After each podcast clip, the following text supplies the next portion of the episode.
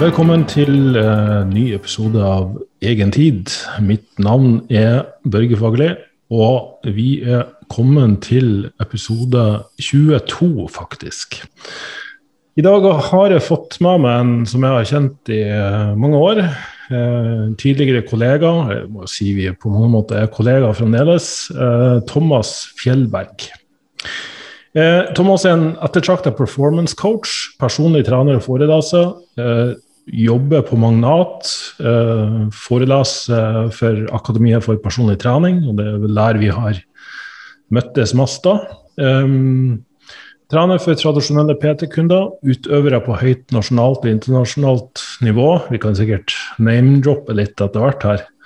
Um, har sjøl vært landslagsutøver innen vektløfting, vunnet NM og tatt medalje i nordisk mesterskap imponerende merittliste der, får vi si. Velkommen skal du være, Thomas. Takk for det. Ja, ja. Gøy å være med. Og det som jeg syns er litt interessant, det er jo um, Når jeg husker back in the day, da vi begge holdt til på Elixia Sjølyst, det var jo at du var jo kanskje mer kjent som den som drev med skal vi kalle fitness eller bygge, muskelbygging. da. Uh, har jo til og med i sin tid satt opp noen programmer til det. og husker jeg kosa meg stort over den sekvensen på bulgarsk eh, utfall der du eh, til slutt du, Jeg vet ikke om du spydde, eller om du bare var på nok til å gjøre det. jeg, jeg, har, jeg, har, jeg har spydd etter to Det er to eh, Nei, det er tre sånn treningsting jeg har spydd etter. Ja. Det ene er 400 meter løping. Ja. Det andre er en eh, makspulstest. Mm. Eh, og det tredje er den bulgarske varianten din. Ja, men det er bra. Da har vi en sånn bucketlist som vi kan sjekke ut, i hvert fall. Ja, den um, var, den var heftig. Ja, så, så, kanskje da jeg ønsker å starte med her nå Vi skal jo etter hvert gå litt inn på uh, muskelbygging, styrkeøkning. Et tema som jeg vet du både er interessert i og kan mye om. Men, men hva har gjort at du har gått den retninga? Mot um, fra liksom mer hypertrofi over til styrke over til vektløfting? Ja, det er jo mer eller mindre primært uh, styrkeorientert, vil jeg jo si. Ja. Mm. Nei, jeg tror det er en sånn naturlig progresjon i uh, la oss si litt sånn egne interesser og hva man vil med treningen. Jeg har i motsetning til ganske mange andre som begynte å trene for hypertrofi og sånn, så hadde jeg aldri de derre største guttene som på en måte idoler. Mm, jeg hadde mer litt den derre eh, atletiske line, men med en del muskler, som var liksom de jeg, de jeg jagde etter. Og mm. det som var da positivt for meg, er at de er ikke så ekstremt vanskelig å oppnå, de målene. Nei, så du, du, kommer liksom til et punkt hvor du tenker liksom OK, jeg har en del muskler. Er, føler at man ser liksom OK nok ut. Mm. Og da er det sånn OK, hva skal jeg gjøre nå da? Da begynner det å bli litt demotiverende å bare liksom fortsette å, Vedlikeholde, liksom. Vedlikeholde. Så da begynte det sånn at man liksom Benkpress har alltid vært morsomt å bli sterkere i, og så ble det et par øvelser til som man begynte å liksom mer fokusere på det som skjedde på trening, ja. eh, enn det resultatet man var ute etter. Da. Liksom klare litt mer, slå loggboka, husker jeg var liksom mottoet mitt, på en måte. Mm. Eh, og da fant du liksom Ja, det, det, begynner jo liksom med Og det er et av de største problemene jeg syns med å trene for hypertrofi også. Det er litt vanskelig å merke om den treningen du gjør, funker. Mm. Eh, men det er veldig lett å merke at du blir sterkere. Eh, så da, da, ble det liksom det at det var målbart, det at det du, du, hadde liksom kommet et stykke på den hypertrofitreningen, eh, så, så, ble det en sånn naturlig så progresjon i treningen min. Mm. At man begynte å se på resultatet man kunne oppnå på trening, og ikke bare, ikke bare looken, på en måte. For man var kanskje Følte man hadde kommet nei, alltid, alt, Alle tenker jo det er alltid ting som har blitt bedre, men, men man hadde kommet ganske nære det man eh, begynte å jobbe mot for mange år siden. da. Mm. Så man kan ikke Jeg kommer sikkert til å stille noen retoriske spørsmål her nå. Men du kan ikke nødvendigvis anta at fordi du har klart å løfte 2,5 eller 5 kg mer, så vil muskelen bli større? Nei, fordi at og, og, det er jo liksom det som jeg syns er da igjen litt sånn vanskelig med hypertrofitrening. fordi eh, jeg ser jo på vektløftingkollegaer og, og vektløftere i verdenstoppen. De trener, jo, de trener jo år etter år etter år, etter år, og de veier nøyaktig det samme i konkurranse etter konkurranse, men de har blitt sterkere. Ja. Så du kan jo helt fint bli sterkere uten å få mer muskler. Mm. Eh, og samtidig, hvis jeg nå har trent mye to, tre, fire reppere i knebøy, og så går jeg over til ti repetisjoner, så vil jeg få som regel en voldsom økning på det å trene med ti repetisjoner. Mm. Men jeg vet jo ikke om jeg har fått det fordi at musklene mine har blitt større, eller at jeg bare begynner å bli bedre på å presse meg på de ti repperne. Ting, små, små adaptasjoner kan skje som gjør meg bedre på de ti repperne. Mm. Så, så det er litt vanskelig å, å måle hypertrofi ut ifra prestasjonen på trening. Fordi det er mange andre ting som gjør deg sterkere enn bare en større muskel. Og så er det Ja. også det derre Ja. Ja, du kjenner vel til ja, studiene av Jeremy Donnicke og den gjengen som Fordi designet der er veldig interessant, der den ene armen trente med én rep, kun én rep maks. Den Mm. andre trente én rep maks, men to til tre sett med repetisjoner. Ti reps, ti-tolv reps. Og Da økte begge armene like mye styrke, men det var kun den armen som også hadde litt volum, som også økte hypertrofi. Mm. Så, så de på en måte satte litt sånn på spissen og sier at styrke har ingenting med hypertrofi å gjøre. Vi vet jo at det har litt, det har noe med hverandre å gjøre. Hva, hva tenker du om den crossover-effekten på den studien der, da? Som Ja, har sett? Det er òg et tema som kan um, påvirke resultatet. Uh, hadde de kun trent den ene armen, så ville allikevel den andre armen også kunne oppleve en styrkeøkning. Mm. Så, så det er nok absolutt en crossover-effekt. Og så da vil si at eh, nervesystemadopsjon ser ut til å kunne påvirke begge sider av kroppen, selv om du trener bare den ene sida. For de Mm. som hører på og ikke helt forstår hva crossover betyr. Ja, ja. Um, men samtidig kan vi jo som en kaller indirekte proxy Nå kommer jeg ikke på et godt norsk ord, men hva skal man si, indikator på at du har trent for å skape muskelvekst. Det at du blir sterkere i et si moderat repsområde. Da. Og da har jo etter hvert blitt utvida fra den klassiske ja, 6-12 reps. Eller Før så var det vel 10-12 reps, det var hypertrofi. Og så har det blitt 6-12 reps med Poliquin og de gutta der. Og nå er det liksom Det spenner vel fra rundt 5 reps til 30 reps. Kan du bygge muskler. Alle de repsområdene kan bygge muskler. Men hvis du blir sterkere i de repsområdene, så kan vi indirekte anta at det er mer eh, Nå blir det veldig mye sånn Kan muligens eh, For ja, Hvis ikke så kommer forskningspolitiet og tar oss. Eh, anta at det gir hypertrofi, mens hvis du blir sterkere under fem reps, så er det mer orientert mot styrke, alternativt eksplosivitet. Er du, er du enig i det? Jeg er enig i det, med, med, med det bare unntaket av den boosten i hvert fall jeg og en del vektløftere jeg trener får, idet vi switcher over til tireppere. Men det tror jeg har litt med litt det mentale. Vi blir bedre på å presse oss. Det er eh, en vektløfter som skal ta tirep, føler at han gjør cardio. Så det er, liksom, det, er, det er mange faktorer som gjør deg bedre på starten. Men over tid, liksom, når du er ferdig med de tre-fire første tilvenningsukene på de tirepperne, Eh, som i hvert fall jeg og de fleste da vektløftere ser at vi får en sånn wow, vi har økt sykt mye på ti reps på veldig kort tid.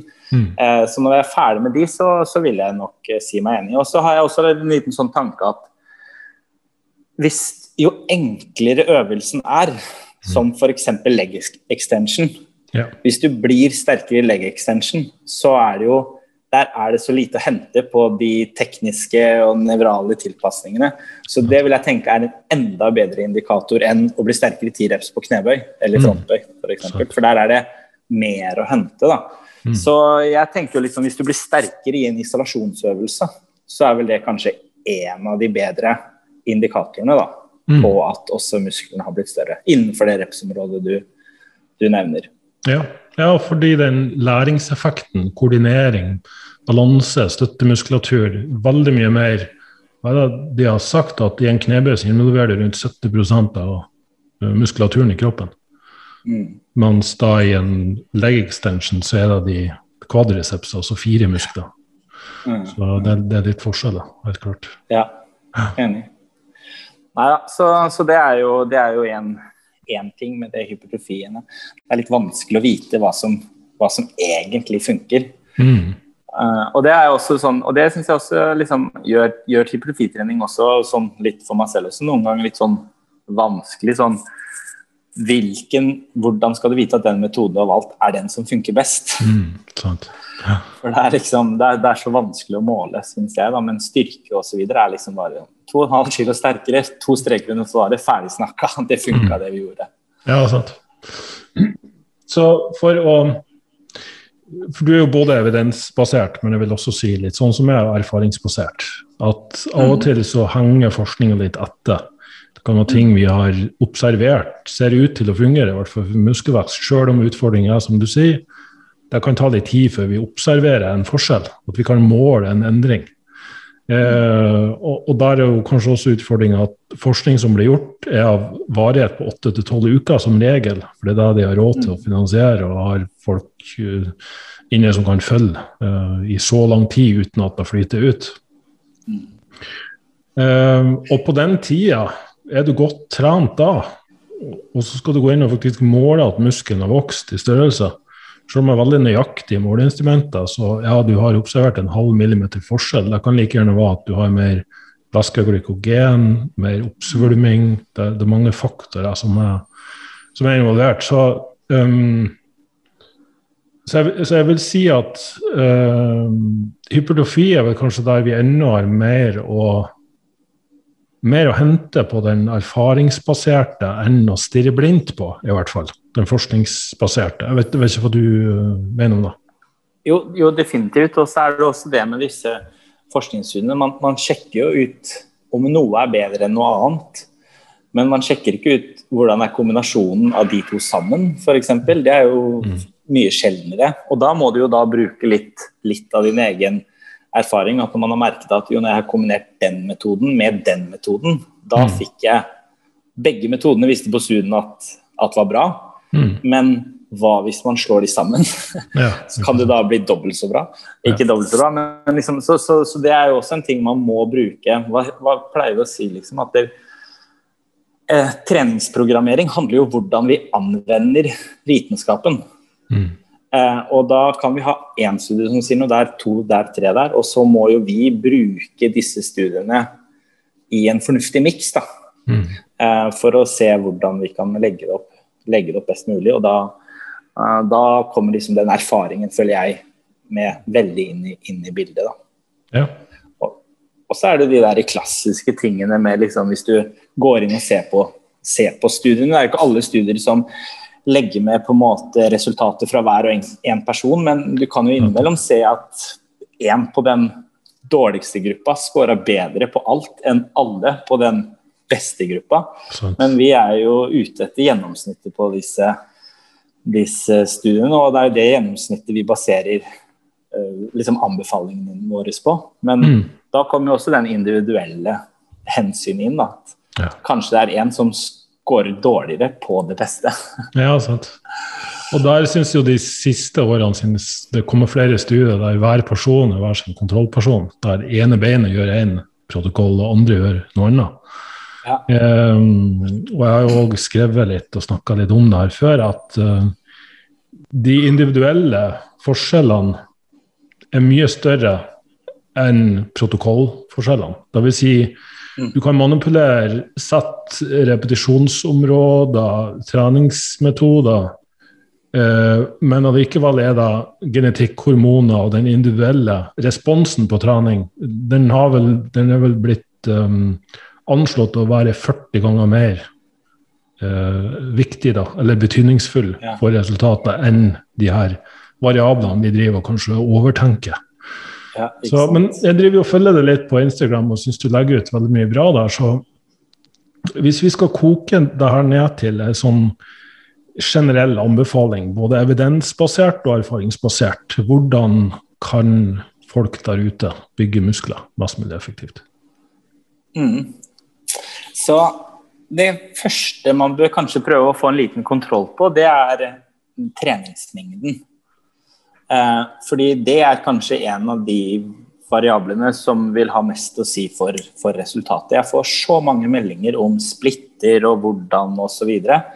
Men så lenge man først bare prøver å få en liten kontroll på treningsmengde, og bare gjøre det superenkelt med å telle antall tunge arbeidssett, eh, så, så, så, tror jeg man er på et veldig bra sted. Da. At man prøver, for jeg ser litt Når jeg ser på mine gamle programmer, så var det litt sånn det er der det var størst virvar, på en måte. Liksom, brystet kunne få så og så mange sett, og ryggen et helt annet tall, skuldrene et helt annet, beina. Men jeg hadde ikke noen tanke bak hvorfor det var et virvar av antall harde sett på de ulike muskelgruppene.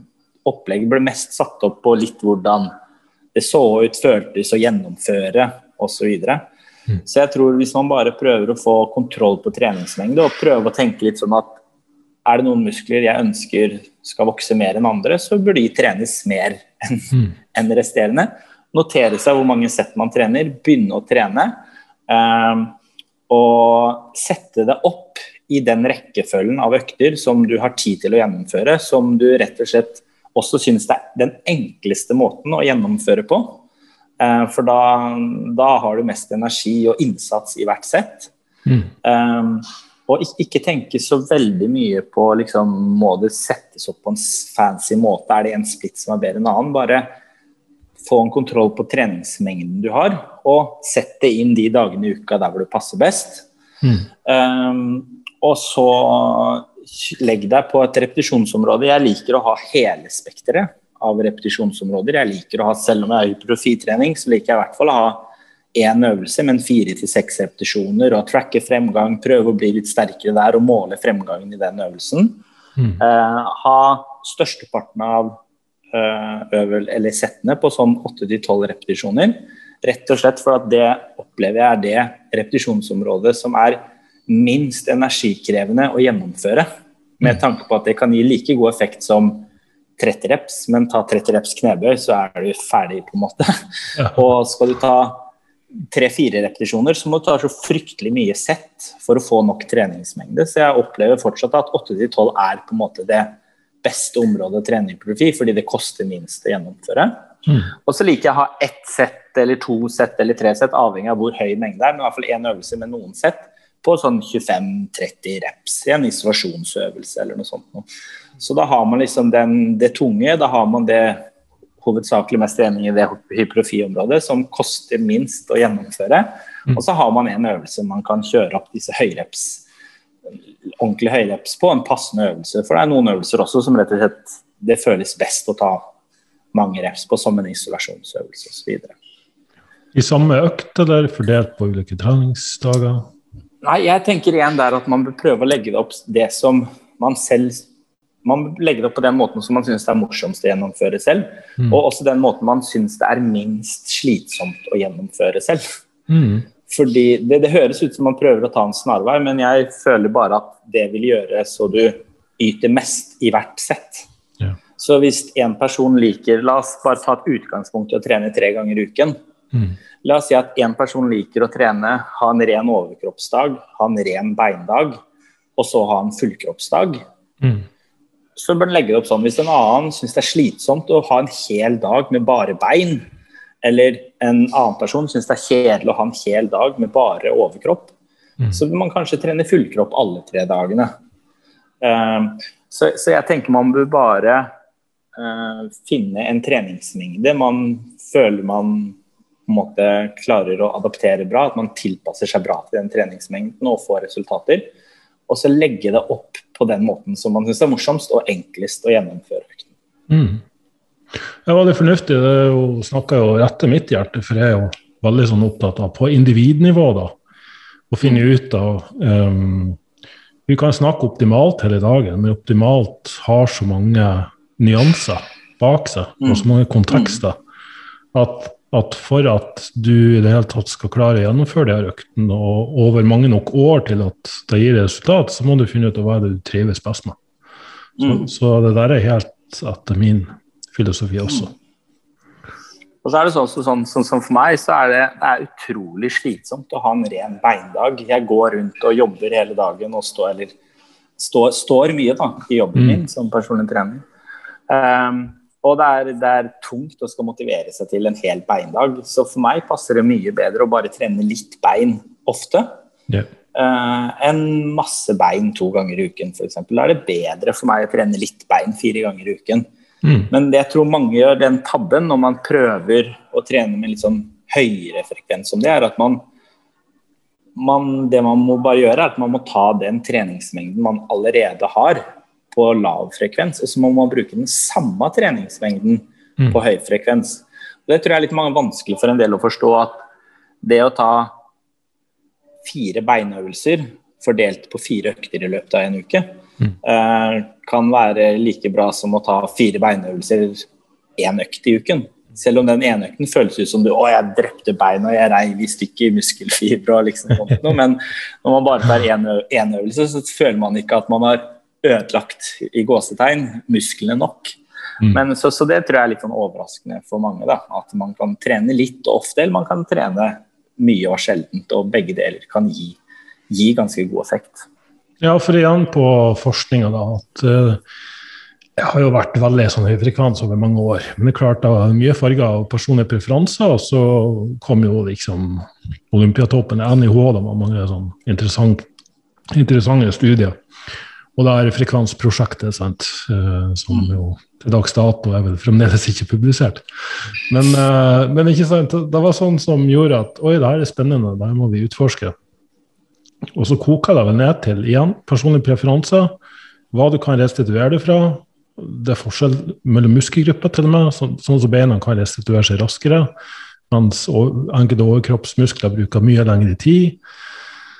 Eh, og så er det totaltreningsbelastning i løpet av uka. Og, igjen, det, det, er jo um, Hvis høyfrekvens gjør at du dobler treningsmengden, så er det jo den totale treningsmengden. For det er jo òg mange gode studier som viser at hva du har trent på før, har nesten mer å si enn hva du trener på gjennom studien. For har du trent lavt volum og blir satt på et visst volum som er høyere enn det du har gjort før, så er det større sannsynlighet for at du får framgang enn de som har trent mye mer, og så blir plassert i en såkalt høyvolumstudie, men fordi det er en nedgang. Altså, Det slår meg litt Jeg fikk opp et sånt bilde her mens du sa det, fordi jeg husker jeg, jeg jobba med jeg, jeg, trenger ikke å nevne etternavnet, hun heter Solveig, og du, da vet du godt hvem det er for noen. Og Jeg hadde liksom satt opp et sånt program til henne, og da, da ringte hun meg på vei hjem, trente på Riksa og Sjølyst at eh, nei, nå har så drept beina. Akkurat når du sa det, at hun liksom, det var hennes måte å trene på. Og drepte beina. Eh, men hun lurte på om uh, For hun hadde mista synet på ene øyet. var det normalt, liksom? Jeg bare eh, Det er ikke så normalt, nei. Jeg tror det er noe du ikke trenger å prøve å oppnå i hver treningsøkt. Men, men ikke sant, hennes hode så var det her skal det drepes, liksom, knuses. Ellers så er det ikke noe poeng. Mm. mm. Det er mange som har den mentaliteten, og det er jo en kul mentalitet. Og den kan jo føre deg den kan absolutt føre deg frem, så lenge man da kanskje har en coach som, mm. som, som, som styrer litt. Ja. Så, så den, den, er knallhard. Men, men, det var vel en sånn, litt sånn spennende studie som så på akkurat det her du så. Da, hva var den konkluderte med der? At det å legge på en sånn 20 av mm treningsmengde i forhold til det du allerede gjorde, var et veldig godt utgangspunkt for å ha en økning i volumet som skulle føre til mer muskelvekst. da. Ja.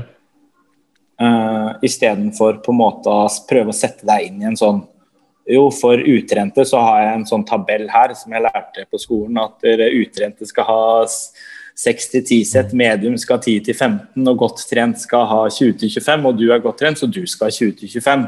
Mm. Uten å se på hva man, har, hva man har gjort før. Så, så, det å se på hva man har gjort før, og hvis det volumet har vært innenfor en sånn normalen, og det å legge på en sånn 20% kan jo da ofte kanskje være et bra sted, sted å starte, hvis man tror at økt volum er det som skal til for å føre deg videre. Mm. Ja, jeg har, jeg har, flere synspunkter på det der. og De som har fulgt podkasten i det siste, vet jo at jeg kanskje har heller mer mot enn lavere volum. Mer sånn bang for your buck-trening. Um, mm. Det var en trend en, en stund, jeg vet ikke om den er helt over ennå, men det var jo at mer trening er bedre. Høyere volum er bedre. Eh, så ble det på en måte møtt av en slags motreaksjon. Det ene er at ja, gitt at du er i den målgruppa som klarer å restituere det fra deg, Nummer to, det var kanskje litt kunstig design av de studiene, for det var veldig korte hvilepauser. Du kjenner sikkert til den Brad Schoenfeldt-studien. 90 sekunder, var det ikke det? Ja, det var ned mot 60 sekunder også. Okay. Mm. Så, så tren, hvis du virkelig klarer å Lion McDonald gjorde seg til uvann med hele internett fordi han gikk ut og egentlig bare påpekte det som alle tenkte. Tren beina dine til failure med ett minutt pause ti sett tre ganger i uka. Eller det var oppe i 45 sett i uka på den verste gruppa der. Hvor gjennomførbart er det for folk flest over lengre tid? Uh, sånn at um, de studiene som kom litt etterpå, viste at når du trener med veldig korte hvilepauser, så begrenser du hvor mye effektivt uh, volum du klarer å få inn. fordi jo mer utmattelse du skaper, jo mindre får du ut av muskelen. Sånn at volumet dropper veldig når du har korte pauser. Så for å kompensere for det, så må du legge til flere sett. Mm. Så ved å ha lengre hvilepauser, det var nesten mer sånn at hvor mye jobb du klarer å utføre på et visst uh, tidsperspektiv, da, i løpet av 30 minutter f.eks. Mm. Uavhengig av om du tok mange sett med korte pauser eller få sett med lange pauser. Det gikk så å si ut på det samme. Da, da var det ene perspektivet. Og så var det der med uh, som du sier, da, hvor har du trent tidligere, og er det her en økning eller en reduksjon i forhold til hva du har gjort mm. før? Og, og, jeg hørte, hørte en podkast for en par dager siden med James Krieger, som var med på eh, statistisk analyse av de Schonfeldt-studiene. Og har sjøl ridd veldig på den der eh, volumkjapphesten i det siste. Eh, så var det koronalockdown, og når han kom tilbake på gymmet, så fant han ut at ok, nå har musklene mine hvilt så lenge, det var snakk om tre måneder, at jeg kan like gjerne starte Jeg kan tenke som en nybegynner, fordi muskelen er omtrent på et nybegynnerstadie, og starte med bare ett sett. Og så kom i gang, og så kan jeg kanskje legge til et sett til når det slutter å virke. Og på det tidspunktet så var han, hadde han allerede forbigått sine tidligere resultater på en brøkdel av volumet. Fordi han hadde starta på bare ett sett, og så hadde han økt i forhold til det. Så han hadde litt mer å gå på liksom, enn, hvis du var allerede på 20 sett i uka. Mm. Så, så jeg har nok også pendla litt mer i den retninga at la oss nå si at for hver enkelt treningsøkt så har du oppnådd 80% av resultatet med to til fire harde sett. Når de sier hard, så er det òg litt der med innsats, for da vet du har mm. ganske mye å si. I hvert fall jo lettere du trener, så må du ha innsats. Mm. Um, er det da verdt å trene opp til ti sett for å få de resterende 20 Da blir det litt mm. sånn, for at Hadde det vært pengene dine, hadde du brukt dem på samme måte? Eh, mm. Det er litt sånn, sånn spørsmål som jeg pleier å stille til folk. Men nå er da mitt perspektiv, så jeg er litt interessert i å høre hva, hva har du gjort til slags uh, refleksjoner? Nei, jeg er jo, jeg er jo ser jo den. For at det, er det som jeg alltid prøver å, å finne ut, det er jo eh, Innenfor vektløfting, innenfor profi osv. Så, videre, så er det veldig mange som har snakket om ok, hvor mye trening tåler jeg? Jo, jeg tåler så mye trening og jeg har fremgang på det, og jeg tåler det, så jeg trener med så mye. Mm. Men jeg har alltid tenkt å liksom snu om på spørsmålet sånn Ikke nødvendigvis bare hvor lite trening skal til for å få litt effekt, men hvor lite trening er optimalt for deg. Mm. Og da mener jeg liksom fordi du vil komme til La oss si at du øker treningsmengden, og så går effekten opp. Om det er to sett eller fire sett per økt eller seks sett, who knows. Mm. Og så på et eller annet tidspunkt så vil det flate ut. Og jeg tror det vil flate ut ganske lenge før det begynner å gå nedover. Eh, det skal, det skal i hvert fall Min erfaring er at på styrketrening, men på hypertrofi det skal ganske mye til å på en måte overtrene i den sans at du ikke får en, noen vondt eller får verker i ledd osv. Så, videre. så Så den, at det, kurven går opp og så flater ut, den, den utflatingen vil være ganske lenge. og så Du vil jo tåle den treningen, du vil jo tåle mer og mer trening, okay. men den vil faktisk ikke gi noe. Så målet blir å prøve å finne, finne akkurat der hvor kurven knekker, ja. og mer trening ikke gir mer effekt. Og for å finne den, så må du tørre å prøve å trene litt mindre. Ja. Og det er kjempevanskelig for veldig mange. Ja. Det er veldig, veldig skummelt. Jeg har en en eh, kollega som trente med en veldig høy treningsmengde. Mm. Eh, og tok en DEXA-scan både før og etter. Og så har nesten på et annet program har nesten doblet den treningsmengden. Mm. Eh, men og han, han økte ganske bra på den DEXA-scannen, og så trente han et nytt program veldig lenge etter og tok en ny sånn DEXA-scan før og etter, og fikk ca. Samme, samme resultat. Mm.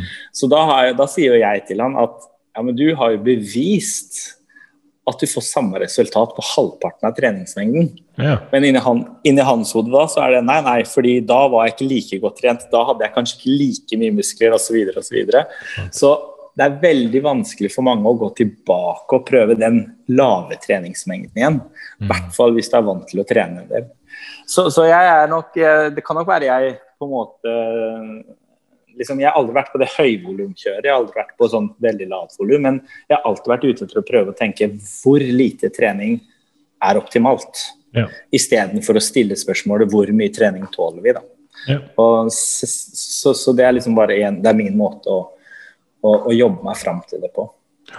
Har du noen Eh, sånne så da må- grove områder? Noen sånn grov uh, anbefaling? Antall harde sett per uke, for å bruke det som Yes. fellesspråk. Eh, ja, ja.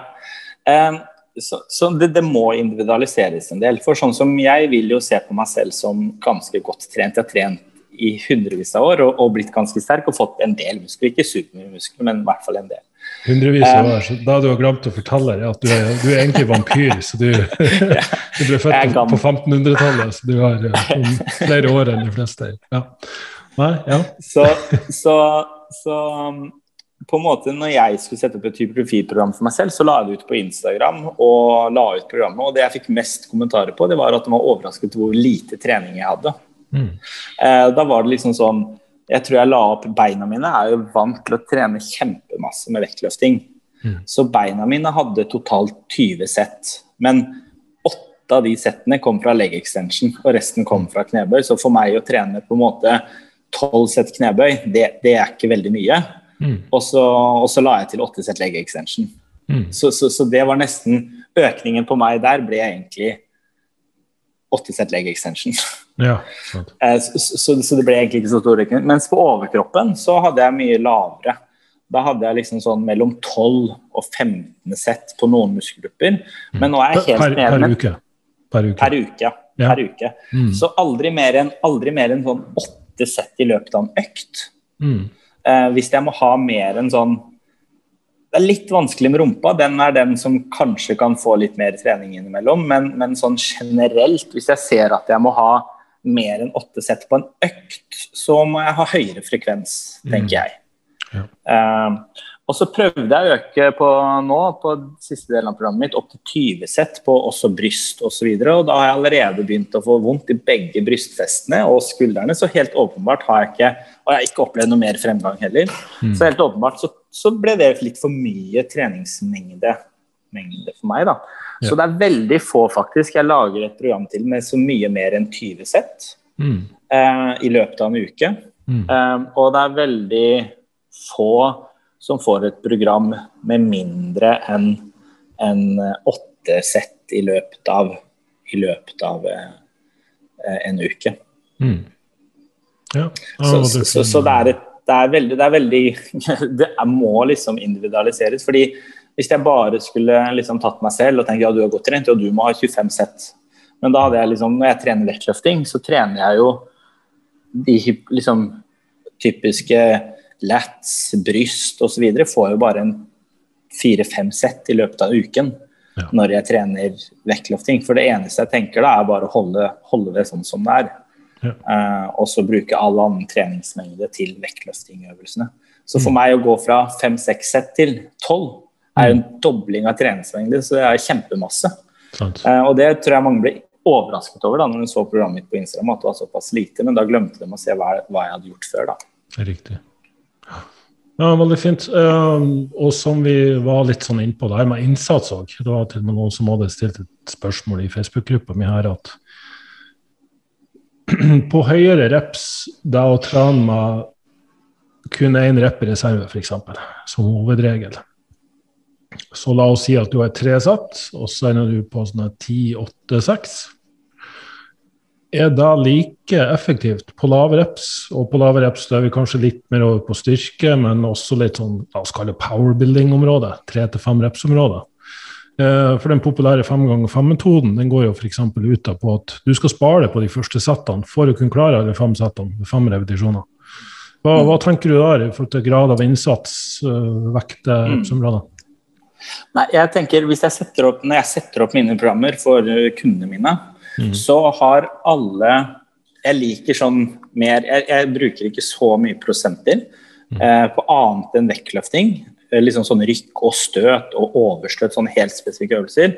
Mm. Men, men, resten bruker jeg reps i reserve, på en måte. Jeg syns det er den enkleste måte. Og de fleste øvelser fra seks reps og nedover de har alltid en reps i reserve-anbefaling mm. i programmet.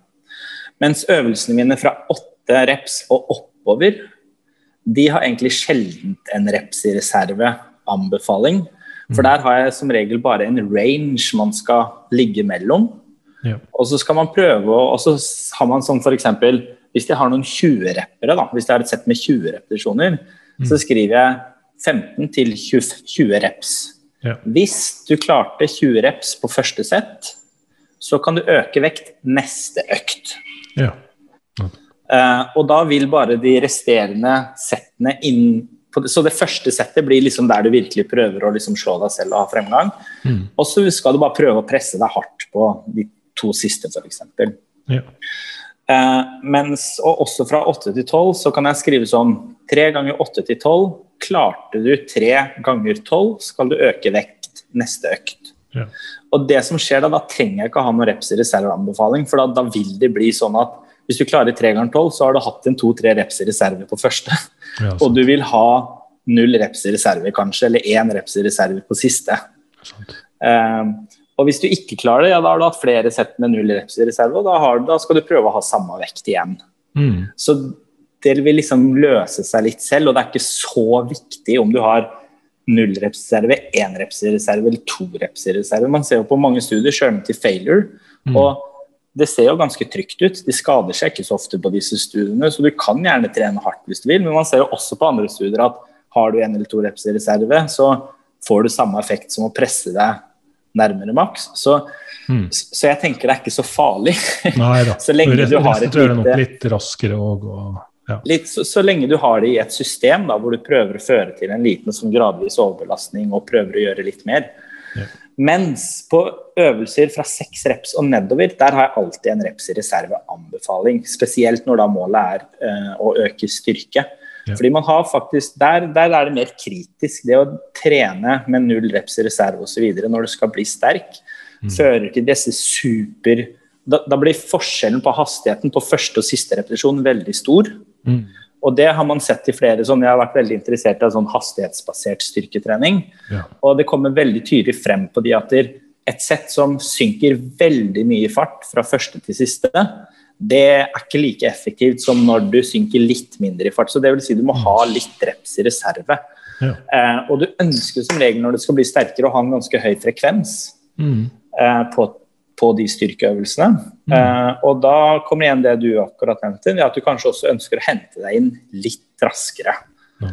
Uh, og så er jo også styrketrening veldig sånn uh, Kan jeg kalle det et litt annet ord enn det liksom, Man pleier å si leddvinkelspesifikt, styrke er leddvinkelspesifikt, men man kan kanskje kalle det utførelsesspesifikt. Du, du ønsker å bli sterk i én helt bestemt utførelse. Mm. Og hvis du har en to-tre reps i reserve, kanskje også én på de verste, men, men, har du en to reps i reserve på de fleste, to-tre reps i reserve, så klarer du å utføre øvelsen i akkurat de posisjonene som du vet er best for å bli sterk. Og hvis du stadig vekk sklir ut av de posisjonene, så blir du jo ikke da sterk i de posisjonene som du ønsker. Og det vil på sikt føre til en negativ effekt. Så, så styrkeøvelser tenker jeg det er veldig viktig å ha en enten prosenter eller en reps i reserve-anbefaling. Mens hypertrofitrening så er jeg ikke så nøye på det, men har et system for hvordan man kan prøve å få en progresjon. Ja, ja veldig, veldig, smart. Så vi kan kanskje si sånn rent oversiktsmessig sett um, For å gjøre det mer styrkeorientert og mindre hypertrofiorientert, kan man ha mer reps i reserve. Du kan trene med høyere frekvens. Uh, potensielt høyere volum hvis du holder mer reps, reps i reserve. Um, også litt mer orientert mot reps i reserve og prosenter enn nødvendigvis ha områder og ta det litt sånn på en, en, ting til jeg vil nevne der, for det er noe jeg ofte bruker på mine program. Eh, Refta vi snakket om i stad for hypertrofi, jeg har kanskje flere som trener fem til ti sett i uka enn en høyere enn det, og har veldig god progresjon på det. Men det skal jo sies at du trener nok sikkert flere toppidrettsutøvere og folk som har kalla trening eller sporten som jobb. Altså jeg jobber mer med folk som har barn, eh, valp. Har ut, sånn interessant nok, tilfeldigvis nok, tre kunder som nettopp har fått seg valp. Hva nå enn det er forårsaka av. Um, kanskje søvnrutinene er ikke helt perfekt, krevende jobber. Sant? at, at, det er i hele tatt veldig mange restitusjonskrav som ikke er oppfylt. Og dermed så mm er sweet spoten for min målgruppe litt mer midt, midt mm. i, i, i, området. Men det jeg skulle fram til, det var at jeg ser uh, gjerne på prestasjon fra sett til sett som uh, informasjon på hvilken retning vi kan tune programmet. For har du de som klarer 12-12-12, f.eks. Det kan være to ting det betyr. Det ene er at de ikke tar seg nok ut på hvert sett. Og da kan vi mm. spesifikt gå inn og si at ok, men prøv meg en høyere grad av innsats. Eller så kan det være at de bare har ekstremt høy arbeidskapasitet. Noen er bare skrudd sammen sånn. og Observerer du de på Jeg har fått de til å sende filmer og sånn, så tyner de seg rimelig godt på hvert eneste sett. Men mm. to-tre minutter senere så klarer de allikevel tolv repetisjoner. Og da er det mm. innafor å gi de flere sett. Da har de bare de er bare skrudd sammen sånn at de, de tåler flere sett. Mm. Nei, den, den, den, ser jeg også. Så det er det å prøve å finne den ja, den individuelle, individuelle mengden som, som, passer for en. Også, men så skal det også nevnes, jeg har også en del kunder som liker å trene. Ja, det de syns det er gøy å dra på trening, og de syns det er gøy å være og trene. Så for en del av de også, å trene med 5-10 sett ville liksom det ville krevd veldig lite. Mm, nesten for lite av det. Så det er nesten noe med å være litt kreativ med hvordan jeg kan Ehm, jeg har en som jeg trener som vil ha trening for seks dager i uken fordi hun ja. elsker å dra og trene, men nivået skulle kanskje tilsi at han kunne trent tre-fire økter og egentlig fått nok treningsmengde på det. da. Ja. Men, så da må jeg være litt kreativ på hvordan jeg kan trene seks ganger i uken uten mm. at, uten at uh, det skal bli en overkill også. Ja. Uh, så det er litt, det er litt så, sånn, noen sånne faktorer man må, eller vi som trenere da, må også ta med i ta, like, ta like mye en kunst som en vitenskap, kan, ja, vi, kan vi nok være enige om. Absolutt. Jeg er altså veldig enig i det med, med, med, med styrketreningen. At der er det høyere frekvens. Der er det liksom der er det ikke bare smart å analysere reps i reserve. Du får faktisk dårligere effekt av å trene mange sett med styrketrening nær failure. Det vet alle som driver med styrkeløft eller vektløfting. Mm. Mens med hypertrofitrening så er det liksom Press deg hardt, så, så, så, så, blir det bra. Så derfor har jeg ikke en sånn Jeg syns reps i reserve blir litt, litt, sånn overkill. Mm. Eh, mye å tenke på, da. Ja, og derfor kan vi nok også forklare hvorfor en bro split kan fungere. Mm. For da trener hver muskel én gang i uka med 10-20 sett med høy grad av innsats da må du jo sannsynligvis vente ei uke før du kan trene den muskelen. Ja. Mm, mm. Så, og da ser det ut som det er mer forgiving, da. Altså det er mer, det er mer spillerom innenfor hypertrofi enn det er innenfor styrke. Og Det er jo også en ting jeg føler med frekvens. da Når jeg spør noen kunder, eller noen, hvis noen trenere spør meg om høy frekvens osv., så, så så sier jeg at jo høyere frekvensen vi har på trening, jo større fallgruver er det å gå i. Mm. Hvis du skal trene fire ganger i uken og trener overkropp bein, overkropp bein, mm. så er det ganske vanskelig, og du trener det liksom med liksom mandag, tirsdag, torsdag, lørdag f.eks., ja. så er det ganske vanskelig å gjøre så mye feil. Mm. Men hvis du skal trene fire-fem ganger i uken, så er det lettere, opplever i hvert fall jeg, og, og gå i fallgruver med mengde, med for hard trening, presser deg for mye, effekten blir dårligere osv. Så, videre. mm. så det er også en liten kunst, da, uh, syns jeg, med, med høy, høy, treningsfrekvens. er at det er, det er litt vanskeligere, syns jeg, å, å, få det til bra. Ja. Mens ikke, jeg gjør ikke så mye feil hvis jeg tar en lavere frekvens. Nei, sant. Nei, du har litt mer å gå på, rett og slett. At du har en, ja. en større buffer, da, eller sikkerhetsmargin. Mm. Eh, og det er vel der at um, Igjen stirrer man seg veldig blind på studier, så kan det anses som litt kunstige eh, kontekster, fordi det er ofte unge, friske, godt trente menn som kanskje studerer på college, og der kan de plukke fritt eh, fra den målgruppa. Og så eh, følger de opp i 8-12 uker, og som du sier, vi har en øvre grense som er ganske imponerende. Vi kan trene mye. Jeg har sjøl vært der at jeg, jeg trente 30 sett i uka på, på benkpress en periode, og hadde ok økning på det. Men nå trener jeg mellom fem og åtte sett, og har like gode økninger. Så, så, det er litt sånn at den, den rangen er nok veldig bred da, når det gjelder hypertrofi. Mm. Så, så, det gjelder kanskje å finne ut av Hvis du elsker trening, for all del, bruk den tida på gymmet. Men, men um, så jeg, pleier ofte å spørre folk hvis at jeg sparer det veldig mye tid på trening, at vi, vi finner en, en, høyest mulig ROI, return of investment, på treninga di. Mm. Har du tenkt over hvordan du vil bruke all den ledige tida? Mm. Mm. Og da er det ikke alle som har et godt svar på. det er sånn Nei, altså hva fyller man den ledige tida med, liksom? Ikke sant. Ja. Nei, ja, veldig ja. interessant uh, samtale, Thomas. Um, vi skulle kanskje gjerne òg ha name-droppa litt, men uh, folk finner vel sikkert fort ut hvem du jobber med ved å finne det på sosiale medier. Hvor, hvor kan de finne han? På meg så har jeg eh, Instagrammen min, som er eh, Du kan enten skrive Thomas Fjellberg uten H, vel å merke. Ja. Jeg har nemlig to, to, navnebrødre som heter Thomas Fjellberg, begge to med H, så de driver stadig vekk og sender meg sånn Du, jeg tror denne mailen er til deg, og jeg tror det er Så Thomas Fjellberg uten H mm. eh, på Instagram. Det er der jeg er mest aktiv. Det er der jeg liksom prøver å ha en Instagram med, med litt content. da. Mm prøver å legge ut små tips og mini Kall det miniartikler. Ja, ja. Nei, jeg syns det er veldig bra. Hei, varmt anbefalt til alle som hører på. Så bra, så bra. Ja. Og ellers så er det jo å finne på Magnat eh, Performance Center i Yes, og, i Oslo. Ja. Det er her jeg jobber, og her er det liksom veldig sånn um, Det er et senter for la oss si hele, hele Fjøla. Vi har liksom alt fra Emil Mek som kaster vekter og skriker når han trener, til eh, Parkinson-grupper som, eh, som, kommer og trener midt på dagen. Så det er et veldig sånn eh, ja, motiverende treningsmiljø da, med liksom, hele, hele spekteret av kunder. Veldig bra treningssenter, det kan jeg i hvert fall si. Jeg var jo der før oppstart, faktisk, og så på både utstyr og, alt mulig. Så det, det, var, det var åpenbart at det her er designa folk som vet hva de driver med. Enig. enig. Ja, men Kjempebra, Thomas. Veldig interessant uh, samtale og hyggelig at du uh, kunne stille opp. Så uh, yes. bare takke så mye for at du var med, og ønsker deg en fortsatt strålende dag videre. Takk for det.